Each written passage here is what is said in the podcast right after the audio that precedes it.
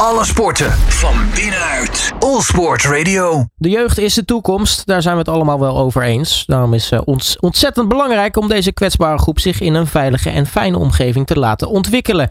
Grensoverschrijdend gedrag in de jeugdsport is dan ook een ontzettende no-go. Hoe pak je dit soort gedrag nu eigenlijk aan? Het Mulier Instituut die deed onderzoek en heeft een handreiking gemaakt voor het tegengaan van grensoverschrijdend gedrag bij sportverenigingen. En daarover ga ik in gesprek met Huip van Vught, junior onderzoeker governance en integriteit bij het Mulier Instituut. Huip, hele goedemiddag. Goedemiddag Robert. Um, ja, we zijn het er denk ik allemaal over eens dat dit natuurlijk een ontzettend belangrijk onderwerp is. Um, allereerst even de, de, de, het, het waarom achter uh, natuurlijk ook de, de handreiking en, en hoe daar onderzoek naar gedaan is. Want waar begint dat nu eigenlijk mee? Nou ja, het begint als eerst met het definiëren van grensoverschrijdend gedrag. Uh, en dat hebben we, dat, we gedaan door te zeggen eigenlijk grensoverschrijdend gedrag is al het gedrag van een ander wat jouw grens overgaat. En dat bestaat uit drie vormen kan dat aannemen. Seksueel grensoverschrijdend gedrag. Dan kun je denken aan seksuele intimidatie, aanranding en soms ook zelfs verkrachting. Je kan ook denken aan lichamelijk grensoverschrijdend gedrag. Dat kan bijvoorbeeld slaan, schoppen, fysiek. En emotioneel grensoverschrijdend gedrag, dan kun je denken aan vernederen, intimideren of pesterijen. En um, we zien eigenlijk dat, dat, uh, of dat de meldingen van grensoverschrijdend gedrag uh, steeds meer zijn toegenomen. Ja, wanneer kwam dat eigenlijk echt, uh, echt naar boven drijven? Want we hebben natuurlijk een aantal jaar geleden nou ja, verschillende dingen in het nieuws gezien. Hè? Vooral het nieuws rondom de Turnbond was natuurlijk heel erg groot. Mm-hmm. Zijn dat soort, dat soort nieuwsberichten of dingen die spelen ook echt aanleiding voor, voor jullie om hier meer onderzoek naar te doen? Uh, ja, dat is zeker aanleiding om daar meer onderzoek naar te doen. Uh, inderdaad, dus, uh, in, eigenlijk in, kunnen we wel veronderstellen dat in alle sporten een vorm van grensoverschrijdend gedrag voorkomt. En je noemde net inderdaad al de turnen. maar het komt ook in andere sporten voor, bijvoorbeeld bij het voetbal. Zoals een van de partners van het Safe Sport Allies project, waarop we dit, die handreiking gebaseerd hebben, was Renald Major. En hij leidt de stichting De Stilte Verbroken. En zij zetten zich in voor slachtoffers van grensoverschrijdend gedrag. En hij heeft daar zelf ook te maken mee gehad. En eigenlijk is het onder het groot publiek voor het eerst onder de aandacht gekomen toen commissie De Vries hier in 2017 onderzoek naar deed. en zij concludeerde dat eigenlijk één op de acht volwassenen in Nederland, toen ze kind waren, uh, en sporten te maken hebben gehad met seksueel grensoverschrijdend gedrag. En uh, zij concludeerden dat lichamelijk en emotioneel grensoverschrijdend gedrag waarschijnlijk nog veel vaker voorkwam. Nou ja, dat zijn natuurlijk wel 1 op de 8. dat zijn wel hele serieuze getallen natuurlijk. Later is er nog vervolgonderzoek naar gedaan door INO Research en Center Data. En die concludeerden, die hadden een iets andere vraagstelling, die concludeerden dat 72% van de volwassenen, uh, Nederlandse volwassenen minimaal één keer met grensoverschrijdend gedrag uh, in de sport te maken heeft gehad. Nou ja, dat zijn natuurlijk wel getallen die uh, direct aanleiding zijn voor, om ervoor te zorgen dat dit probleem wordt aangepakt in de jeugdsport. Nou, nu hebben jullie een, een, een handreiking gepubliceerd over, met een aantal stappen over nou ja, die voor implementatie van de methode en, materiaal in ieder geval om uh, grensoverschrijdend gedrag bij sportverenigingen tegen te gaan. Uh, neem ons eens even mee door die, door die handreiking. Want, want hoe, kunnen mensen daar mee aan de slag?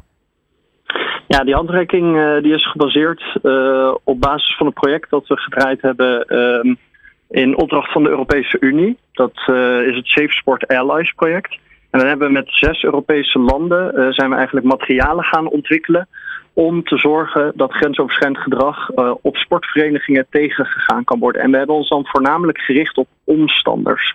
Dus we hebben uh, vier groepen ge, uh, van elkaar onderscheiden. Dat zijn de medesporters, de sporters, de kinderen, de coaches, de bestuurders en de ouders.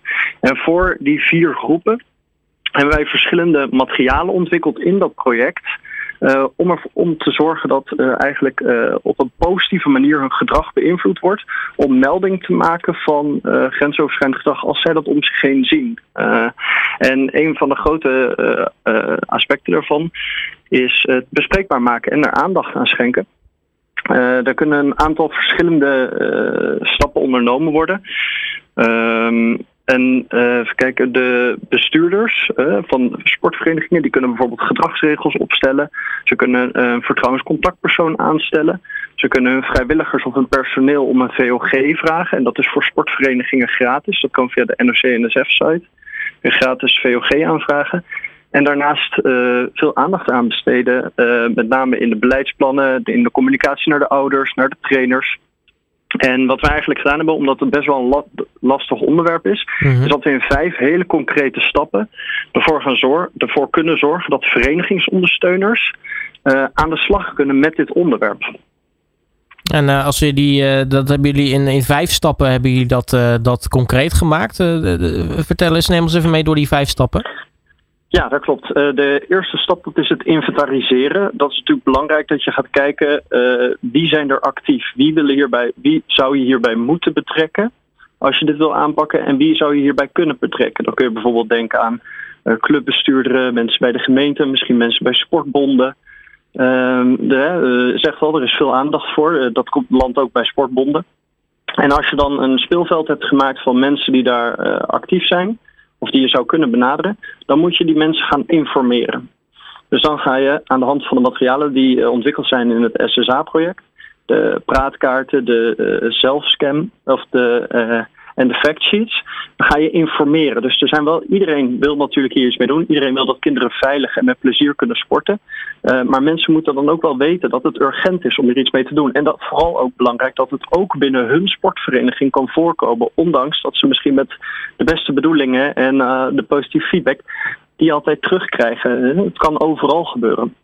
Als je dan als verenigingsondersteuner die uh, betrokkenen geïnformeerd hebt, mm. dan moet je het gaan overdragen. Je kan als verenigingsbestuurder niet elke dag op, de, op alle clubs in Nederland zijn of in jouw gemeente of in het gebied waar jij actief bent. Dus je moet het gaan overdragen aan een groep. En dan raden wij aan in dat stappenplan om een werkgroep op te richten. En dat hoeft niet binnen één club, dat mag ook tussen clubs onderling. Dat is misschien zelfs nog wel beter, want dan kunnen ze ervaringen met elkaar delen. En met die werkgroep ga je doelen opstellen.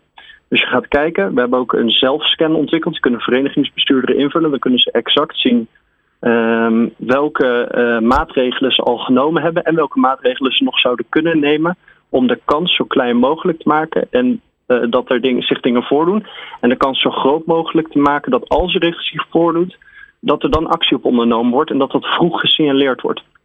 De volgende stap is het uitvoeren van dat actieplan. En wat vooral belangrijk is in het uitvoeren van het actieplan, is mhm. dat de obstakels worden geïdentificeerd. Hè, dat, je daarmee, dat je die identificeert en daar die tackelt. En uh, dat je de successen die je behaalt, dat je die ook duidelijk communiceert. Dat is ook heel belangrijk. Het is een best wel gevoelig onderwerp. Het is ook heel belangrijk om de stappen te delen uh, waarin het goed gaat. Hè? Dus de stappen vooruit. En de laatste stap is het verankeren ervan. En dat is eigenlijk misschien wel de belangrijkste. Uh, want daarin ga je zorgen dat eigenlijk de informatie, de programma's die zijn opgezet, de stappen die gezet zijn, dat die zich ook blijven doorontwikkelen. Um, en dat je eigenlijk de taak van een verenigingsondersteuner, dat die steeds wat kleiner wordt. Want het kan natuurlijk best wel intensief zijn om al die verenigingen te informeren, over te dragen, bij die uitvoering betrokken te zijn. Um, en daarom is het ook heel belangrijk dat er een lerend netwerk wordt opgezet. Mhm. Binnen de, uh, binnen de uh, vereniging of binnen de gemeente of binnen een verzameling van uh, verenigingen die graag met het onderwerp aan de slag willen. En dat lerend netwerk komt af en toe bij elkaar om ervaringen met elkaar te delen. Welke stappen hebben we gezet? Waar zijn we tegen aangelopen? En die dialoog, mhm. die is ontzettend belangrijk. Want zo blijft, kijk, de um, definities van grensoverschrijdend gedrag, die zullen misschien door de tijd heen wat veranderen. Er zullen misschien dingen uh, veranderende moraal, dat is niet uh, in beton gegoten. En daarom is het zo verschrikkelijk belangrijk dat je met elkaar dat gesprek blijft voeren. En um, als je dus eigenlijk die vijf stappen volgt die wij in de handreiking hebben gedaan, dan kan eigenlijk iedereen kan met dit moeilijke onderwerp, maar wat wel ontzettend belangrijk is, aan de slag op de sportvereniging. Nou, dat is uh, helemaal helder. Uh, ik zou ook voor de, de, mensen die hier meer over willen weten, uh, willen verwijzen naar de website van het Mulier Instituut. Daar kun je natuurlijk veel meer vinden over heel veel verschillende onderwerpen, maar natuurlijk ook over deze, deze handreiking. Um, Huip van Vught, mag ik je hartelijk danken voor je tijd. En uiteraard natuurlijk veel succes met alle dingen die, die komen gaan. Dank u wel, graag gedaan. Alle sporten van binnenuit. All Sport Radio.